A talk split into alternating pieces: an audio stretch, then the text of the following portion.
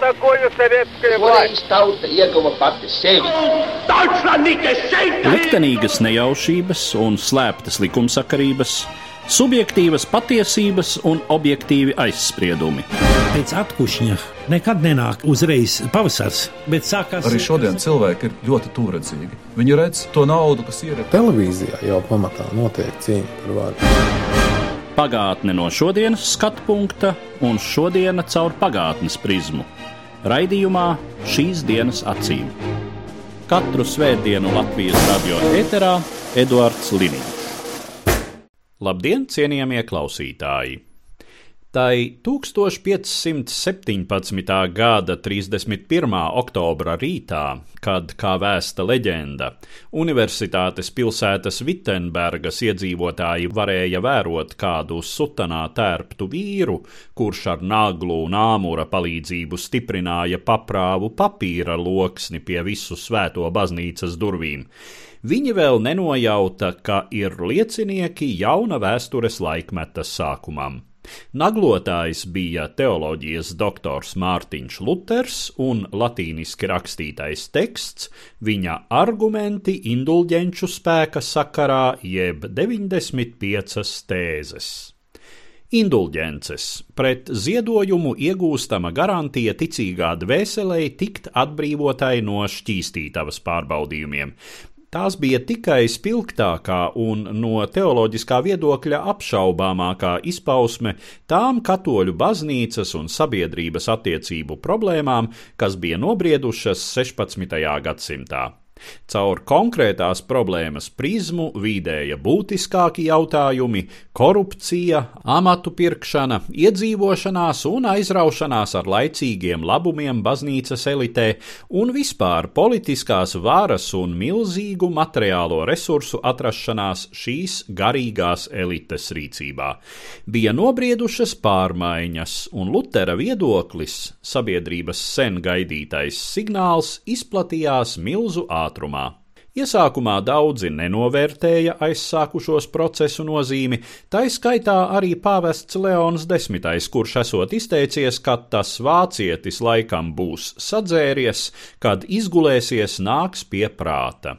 Jau drīz katoļu baznīcai nācās pieredzēt, cik sāpīga ir šī alošanās.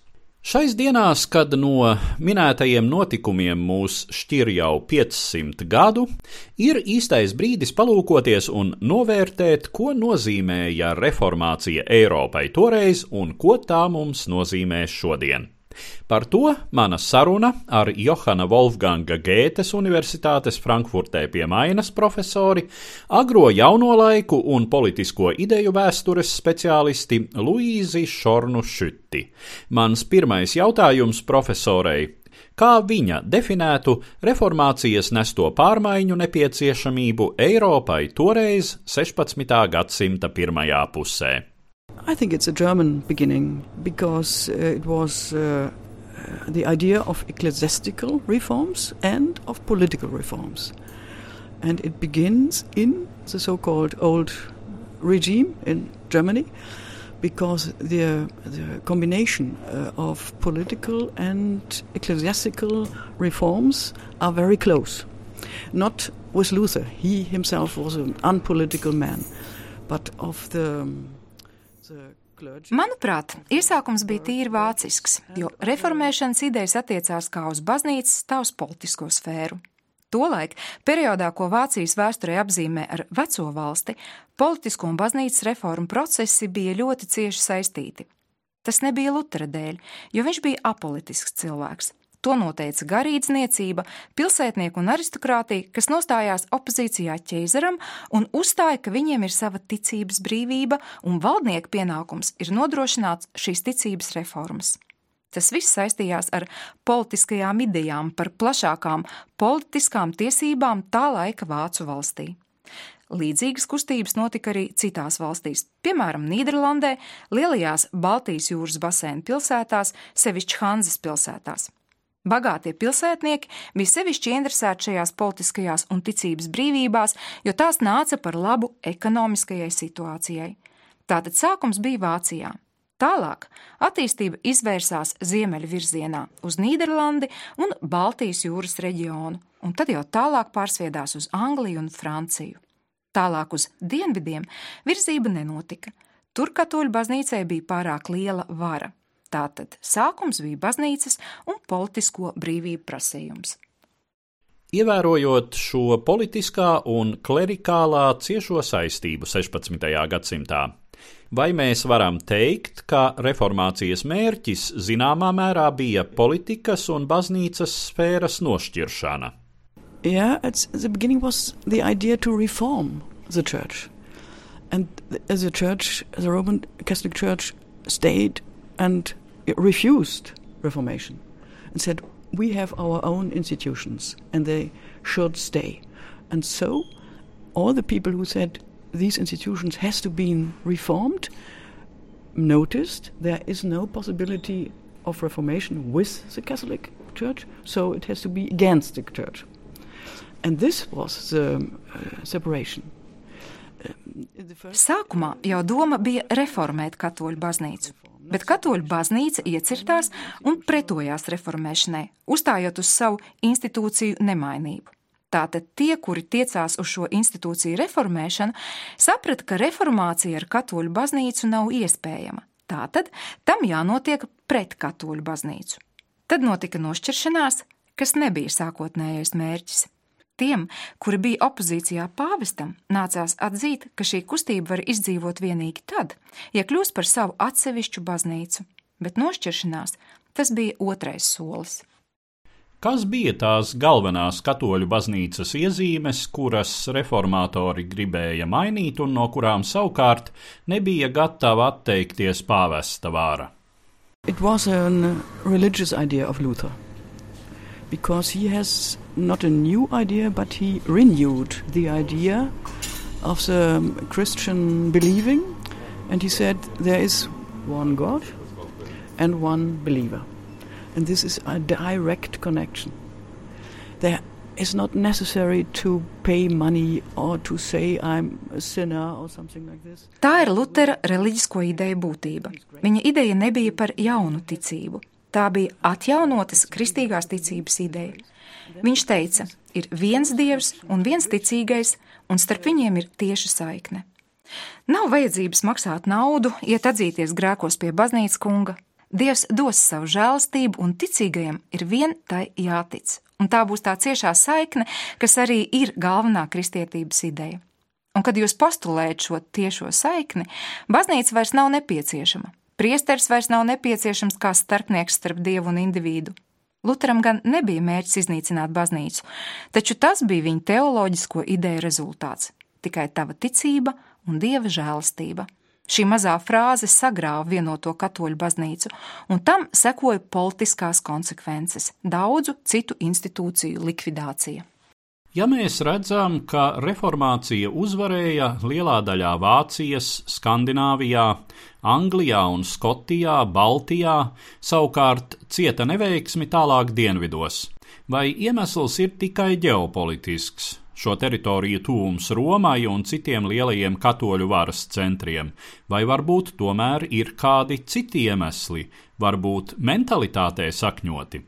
Historians cannot describe very close the mental uh, situation of the people of the 16th century. It's, it's very, very difficult to say something about it, but I think the first point is the close connection to the Catholic Church, especially in Italian countries at this time. But then especially in España and in Spain or in Portugal, there is a lack of um, burgers, you see, of, this, of cities. This is the most important um, historical point that there, uh, Germany is a country with a lot of very rich and political important cities. Vēsturniekiem nav īpaši daudz iespēju raksturot 16. gadsimta cilvēku mentālo situāciju. Ir ļoti grūti par to izteikties. Es domāju, galvenais tomēr ir tuvums katoļu baznīcas varas centram, sevišķi jau tā laika Itālijā.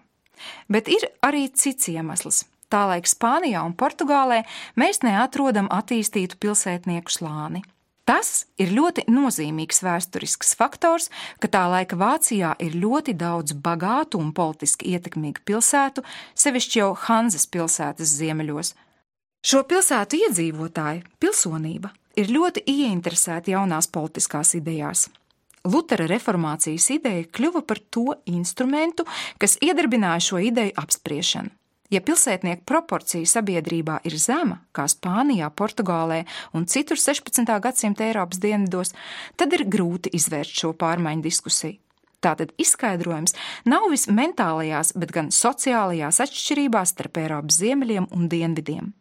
Reformācija bija urbāns notikums. Tas noritēja ar pilsētu palīdzību. Jau pirms reformācijas mēs Eiropā runājam par citu fenomenu, par renesansi. Kā šie divi procesi korelēja? Okay, that's a good question, and it's it's um, it's, a, it's a question especially discussed within the historical um, society uh, when we um, compare German and French developments. You see, in Germany, the Renaissance was not really most important. There has been humanism, uh, of course, but only in the upper class and the well educated people. But a lot of. Uh, Tas ir labs jautājums. Sevišķi bieži vēsturnieki aprindās to analizē, salīdzinot attīstību Vācijā un Francijā. Vācijā renesanse nebija īpaši nozīmīga. Humānisms, protams, attīstījās, bet tas skāra tikai sabiedrības augšslāņus, izglītotos. Francijā daudzi, sevišķi lielajās pilsētās un universitātēs, uzņēma humānismu idejas, humānismu filozofiju un iekļāvās renesanses attīstībā. No Francijas renesanses iespējas nedaudz skāra Itālijas pilsētas. Ar Vāciju šo Francijas renesanses ideju sasaisti veidoja sevišķi reformators Kalvins un kalvinisms. Tātad vispirms renesanses idejas attīstījās Francijā, tad jau caur reformācijas kustību nonāca Vācijā. Pretēji virziena kustības nebija. Cik lielā mērā pats Luters bija humanists? Ir dzirdēti viedokļi, ka viņš drīzāk bija reliģijos fundamentālists, varbūt pat salīdzināms ar šodienas radikālajiem islāmistiem. It's a very hard uh, sentence. No, I think it's it's correct. He hasn't. Uh, in the beginning, in the first, uh, in the 20 years of the 16th century, the, the beginning of the 30s, there was a close connection uh, between Luther and Erasmus, Erasmus of Rotterdam. But then they are noticed that there are some differences in interpretation of the New Testament, of the Bible. Um, uh, Erasmus said it may be that this idea of grace of God is important, but we have to understand the scripture, the Holy Scripture, in another way. And then there has. Tas būtu par stipru teikts. Bet taisnība. Sākotnēji Lutheram bija cieši kontakts ar Rotterdamas Erasmu, taču tad viņiem radās domstarpības dažu jaunās derības aspektu interpretācijā. Erasms atzina, ka dieva žēlastības ideja iespējams ir svarīga, tomēr svētie raksti izprotami citādi. Starp viņiem radās teoloģiska rakstura pretišķības. Erisms nepieņēma Lutera dieva žēlastības teoloģijas nozīmīgumu. Tas nu bija tipiski vāciski un tipiski 16. gadsimtam. Ja tu nepieņem manas atziņas, tu esi mans ienaidnieks. Draudzībai bija beigas, un viņa kļuva par strīdniekiem un ienaidniekiem uz mūžu. Bet es nepiekrītu, ka tas ir uzlūkojams kā Lutera radikālisma apliecinājums. Tālāk reformācijas attīstība, sevišķi kalvinisms Francijā, nesa tā saukto kreiso reformāciju. Kalvinistiem bija atšķirīga pieeja luteriskajam dieva žēlastības nojāgumam, jo sevišķi izpratnē par šīs žēlastības saņemšanu. Ja Luters saka tikai ticība dieva žēlastībai, tad Kalvins saka, tev ar savu dzīvi ir jāparāda, ka tu esi dieva žēlastības cienīgs. Šo divu pieeju asa konfrontācija reformācijas iekšienē sākās 20-30 gadus pēc Lutera. Bet vai mēs nevaram teikt, ka luterānisms bija savā ziņā skarbo ziemeļu reakcija uz renesansi ar tās aizraušanos ar antīko skaistumu, ar cilvēka idealizāciju? Explained of these Lutheran theology. And there was a connection with ideas of political freedom in the north, in the cities in the north. and this hasn't been an opposition to the and to the interpretation of scriptures and reception of antiquity in the south, but so there are two movements, and in the beginning they they are um, they have a development in parallel ways, but. Uh, Es jau minēju luterānismu teoloģiskos aspektus un to saikni ar politiskās brīvības idejām Ziemeļu pilsētās. Tā nebija opozīcija nec citādam svēto rakstu tulkojumam, nec antīkā pieņemšanai dienvidos. Renesanse un reformācija bija divas kustības, kas sākotnēji attīstījās paralēli. Kad reformācijas kustība kļuva politiska, parādījās atšķirīgas interpretācijas un atšķirīgas politiskas intereses, kas kombinējās ar šīm ideiskajām kustībām. Gan valdniekiem, gan pilsētu elitei bija savas intereses, un jaunā politiskā brīvība tika pieņemta tikai diezgan striktu tradicionālu noteikumu ietveros. Jauna indivīda loma politisko lēmumu pieņemšanā bieži netika akceptēta. Un bija moments, kad ziemeļos patiešām šādas individu politiskās emancipācijas tendences sāka saistīt ar humanismu idejām, kas bija veidojušās pamatā dienvidos. Tātad sākotnēji attīstība bija paralēla, un tad abas kustības kādā brīdī nonāca zināmā konfrontācijā. Pamatā tā, protams, bija politiska varas konfrontācija, taču tajā iesaistījās juristi, filozofi un citi ideju cilvēki. Bet jūs nepiekrītat, ka Lutera mācība bija reakcija uz pārāk brīvu likumisko atmosfēru dienvidos, kas izpaudās tā skaitā Renesanses mākslā, literatūrā, dzīves stilā. No, no. First, Luther didn't know it in this way. He knows Erasmus, and of course, he knows Latin and Greek and Hebraic uh, texts, but he do not know the political implication of Renaissance. This, this was not his way, and Um, Nē, pirmkārt jau Luters nepazina renesansi šādā nozīmē. Viņam, protams, bija priekšstats par Rotterdamas erasmu, viņš zināja sengrieķu, latīņu un ebreju tekstus, taču viņam nebija priekšstata par renesanses politiskajām implikācijām. Kad viņš vēlāk vēroja humanismu iespaidoto reformācijas ideju ienākšanu no Francijas, viņš allež bija tām opozīcijā. Viņš uzsvēra, ka vēlas tikai ticības reformu, nevēloties piedalīties politisko lēmumu pieņemšanā. Viņš bija un palika apolitisks cilvēks. Attiecīgi, viņš atzina to, ka vara, kas agrāk piederēja pāvestam, tagad piederēs ķeizaram. Ja viņš būtu politisks cilvēks, viņš iesaistītos politisku lēmumu pieņemšanā, bet tas nebija viņa mērķis. Viņš atteicās. Viņš teica: Dievs man ir radījis, lai es vēstītu par viņu ļaudīm. Ja mēs vērojam tālāko procesu, kurā katolicisms un protestantisms sadalīja Eiropu savā starpā, kādus iemeslus mēs varam minēt dažādai attīstībai dažādās valstīs? I think it was in the end of the 16th century the Protestant movement uh, becomes so different that it hasn't longer a political power. So they they um, went to the beginning in the of the 17th century to the Thirty Years' War. It was a war of religion. Until this time, Europe was divided in the north, Protestant, and the south, Catholic, and in the south, the Catholic Pope, and and then the the uh, Thirty Years' War destroyed um, really huge parts of North Europe Es uzskatu, ka līdz 16. gadsimta beigām protestantisma kustība ir tik ļoti mainījusies, ka zaudē savu sākotnējo politisko spēku. 17. gadsimta sākumā protestanti uzsāka 30 gadu karu. Tas bija ticības karš. Līdz tam Eiropa bija sadalījusies protestantiskajos ziemeļos un katoliskajos dienvidos ar pāvestu priekšgalā. 30 gadu karš izpostīja lielu daļu ziemeļu teritoriju, un galu galā protestantiem nācās meklēt miera iespējas, lai izbeigtu slaktiņu. Iedzīvotāju upuri bija tik lieli, ka runa jau bija par turpmāko šo zemju pastāvēšanu. Karš tika uzsākts par ticību, miers tika slēgts izdzīvošanas vārdā. Vestfālens miers 1648. gadā noteica reliģiju līdzās pastāvēšanas principu, atzīstot abu pušu atšķirības, bet vienojoties dzīvot mierā normālas dzīves atjaunošanas vārdā. Šis tad bija tas brīdis, kad politiskā un baznīcas dzīve tiešām pirmoreiz tika šķirtas.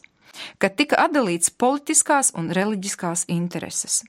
Pēc 30 gadu kara savukārt sākās reakcija katoļu valstīs, kas pieauga līdz 17. gadsimta beigām. Notika katoļu baznīcas atjaunotne.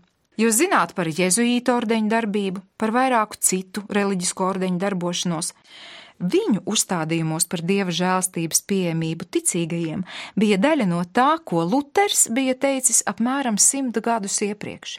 Daudziem, sevišķi Vācijas dienvidos, šī atjaunotā katoļu baznīca šķita interesanta un notika zinām atgriešanās pie katolicisma. Ziemeļi gan vienmēr palika stingri savā nostājā un uzticīgi protestantismam. Vai raugoties uz visu tālāko attīstību 500 gados pēc reformācijas, mēs varam saskatīt kādas iezīmes, kas atšķirtu protestantu un katoļu valstis? Oh, yeah, there has been a lot, uh, a long and very hard discussion in the end of the 19th and the beginning of the 20th century, especially in Germany. Max Weber, you know, he says the Protestant have. Um, living in a better developed education and more uh, free world in comparison to the Catholics. This is a Par to bija ilgas un spraigas debates 19. gadsimta beigās un 20. gadsimta sākumā, sevišķi Vācijā. Vēstures filozofs Maksis Fēbers apgalvo, ka protestantu sabiedrībās pastāv labāki izglītības standarti un vairāk brīvības. Pagātnē protestantu sabiedrībās patiešām straujāk attīstījās izglītība. Bija vairāk skolu, labāk izglītoti garīdznieki, juristi, augstāks vispārējais izglītības līmenis. Attiecīgi, ekonomiskās un sociālās sistēmas attīstība šajās valstīs bija straujāka. Taču pēc otrā pasaules kara rietumvalstīs atšķirības starp katoļu un protestantu valstīm bija maza. Tās satuvinājās savā attīstībā, attīstījās līdztekus. Līdz ar 20. gadsimta beigām, Berlīnas mūra krišanas laiku, rietumu pasaulē nekādas atšķirības vairs nebija. Un kāda bija reliģiskās ainavas ietekme tieši uz Vācijas vēsturi? And in, in German history, it always was the beginning of the dividing, uh, the separation of two parts. Uh, there has been this important, this most well-known historian Ranke, Leopold von Ranke, He wrote it in his book in the beginning of the 19th century, The Reformation of Germany, and he said Reformation was the beginning of the separation of our nation. You can discuss it, it if it was a nation in the 16th century, but it was true, it was dividing. This, these countries, which are speaking German, was divided by believing. And this was very Vācijas vēsturē reformācija aizsāka sadalītības laikmetu. 19. gadsimta slavenais vācu vēsturnieks Leopolds von Ranke savā grāmatā Vācijas reformācija rakstīja: Reformācija bija mūsu nācijas sašķeltības sākums. Var diskutēt par to, vai 16. gadsimtā pastāvēja vācu nācija, bet ir tiesa, tā bija sašķelšana. Tas radīja lielus sarežģījumus sadalītās zemes attīstībai 19. gadsimtā. Tieši nacionālā attīstība 19. gadsimta Vācijā bija sevišķi apgrūtināta. Jā, bija vēlme veidot vienotu vācu nāciju, taču Alleš tas atdūrās pret protestantiskās un katoliskās nācijas daļas jautājumu. Katoļi, sevišķi pēc Bismarka ēras, vienmēr tika turēti aizdomās kā nepietiekami īsteni vācieši, jo viņiem ir pārāk ciešas saites ar pāvestu un Romu. Līdz pat Pirmajam pasaules karam, jau apvienotajā Vācu valstī, protestanti joprojām uzskatīja sevi par labākiem pavalsniekiem, par īstenākiem vāciešiem, savukārt tos citus, katoļus un jo sevišķi ebrejus, par netik labiem. Citām valstīm tāds dalījums nebija raksturīgs. Nacionālisms pastāvēja visur Eiropā, bet tam nebija raksturīga šāda diferenciācija vienas nācijas iekšienē. Es domāju, te jāmeklē aizsākumi tai greizējai attīstībai, kas noveda pie nacionāla sociālisma. Protams, tas nav jāuztver primitīvā veidā, ka Luters iemina ceļu Hitleram. Taču 19. gadsimta nacionālisms savienojumā ar katoļu un protestantu pretstāvi Vācijā radīja īpaši sarežģītu situāciju, kurai līdzīgas citur Eiropā nebija. Ko jūs varat teikt par Baltijas vēsturi reformācijas kontekstā? In the beginning, the Reformation in the Baltic cities was a sign of, of a very developed part of Europe, economically, um, in in uh, legal way, in political power, and something like this. And I think in the national movement in the 19th century, these Baltic people tried to come together because of this history. Sākotnēji reformācija Baltijas pilsētās bija apliecinājums, ka tās tobrīd bija ļoti attīstīta Eiropas daļa likumdošanas, politiskās sistēmas nozīmē, un 19. gadsimta nacionālisma kustībā Baltijas tautas konsolidējās pateicoties šai vēsturei. Vēstures izpratne bija ļoti nozīmīga šīs 19. gadsimta attīstības daļa. Veidojās nacionālā pašapziņa, kas līdz ar 20. gadsimta sākumu bija nobriedusi par valsts gribu. Sākums bija reliģija, pēc tam nāca politiskās brīvības vēlme un visbeidzot vēlme atdalīties no lielvarām. Norobežošanās no Polijas, no Krievijas, apzinoties savu citādību no šo lielo valstu iedzīvotāju pamatmasas, un šīs citādības pamats bija reliģiskā atšķirība, reliģiskais bija nozīmīga nacionālās pašapziņas daļa.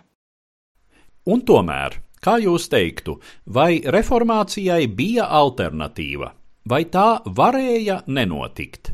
This is a question all historians say we cannot answer it. We have to explain why it developed in the way as it did. But we are not educated, we have not the possibility to say it has been in the other way. So I think it, it was, the situation was in the 16th century, in the middle of the 16th century, Reformation in the church, Reformation of the believing, and political Reformation. It was a huge moving in Reformation, and so it has to develop in this way. There has been no Tas ir jautājums, uz kuru vēsturnieki nevar atbildēt. Mēs varam atbildēt, kāpēc tas viss notika tā, kā notika, bet mums nav zināšana, lai teiktu, vai varēja notikt citādi. Es teiktu, ka 16. gadsimta sākumā reformēšanās baznīcā ticības reformas un politiskās reformas bija ļoti plaša attīstība, un tai tā bija jānotiek. Alternatīvas nebija.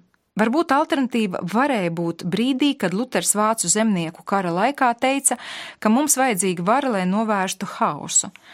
Tas bija brīdis, kad šajā līdz tam tīri reliģiskajā kustībā atgriezās politiskās varas elements, bet kopumā es domāju, tā bija globāla attīstība, kas bija neizbēgama. Vācijā tā izvērtās ļoti politiskā un arī militārā cīņā pret zemnieku sacelšanos, savukārt Ziemeļa Eiropas Hanzas pilsētās vai Polijā tā palika kā kustība par ticības brīvību. Tā ka alternatīvas nebija, bija atšķirīga attīstība kustības ietveros. Ir dažādi viedokļi par to, vai un kāds ir progress vēsturē, taču es tomēr gribētu jautāt, vai reformācija bija progresīva, vai tā deva Eiropai attīstības grūdienu. In the first years, I think, yeah, yes, you can say it, because this, this uh, religious idea no institutions between God and the believers means freedom, political freedom, really in this way, and the people understand it in this way. And this has been all over historical um, interpretations is development. If the people take part in their own fate, this is development. This, uh, it's, it's, um, Sākotnēji es teiktu, jā, šī ideja nav jābūt kādām institūcijām starp cilvēku un dievu, nozīmē politisku brīvību. Tā patiešām bija politiska brīvība, un cilvēki tā to uztvēra. Un tas no jebkura vēstures interpretāciju viedokļa nozīmē attīstību. Ja cilvēki ņem dalību savu likteņa lemšanā, tas nozīmē attīstību. Tā ir vēsturnieku vispār akceptēta atziņa. Tad sekoja tālākie notikumi. Vācijā luterāņu teologi nostājās pret zemnieku atbrīvošanās kustību, jo viņu 16. gadsimta cilvēku izpratnē zemnieki nebija iecerēto pārmaiņu daļa. Te viņu attīstība apstājās, viņi sāka veidot likumus pret brīvību. Taču 17. gadsimtā attīstības kāra jau visu Eiropu, un jo sevišķi katoļu baznīcu. Sekoja 18. gadsimts, kura beigās nāca lielā franču revolūcija ar visnozīmīgāko attīstību Eiropas vēsturē, jo tā postulēja, ikvienam individam ir viena balss. Tā nav Lutera ideja. Viņš teica, ikvienam individam ir tieši saikne ar Dievu, taču ar šo domu, ka indivīds ir tuvu savam radītājam, reformācija veido indivīda nojēgumu, kas tālāk jau attīstās līdz lielajai Franču revolūcijai. Šī bija saruna ar Johana Wolfganga Gētes Universitātes Frankfurtē pie Mainas profesori, agro jauno laiku un politisko ideju vēstures speciālisti Luīzi Šornu Šuti. Mūsu saruna bija veltīta 500. gada dienai kopš reformācijas sākuma Eiropā. Uz redzēšanos, cienījamie klausītāji! Katru svētdienu Latvijas radio viens par pagātni sarunājas Eduards Līniņš.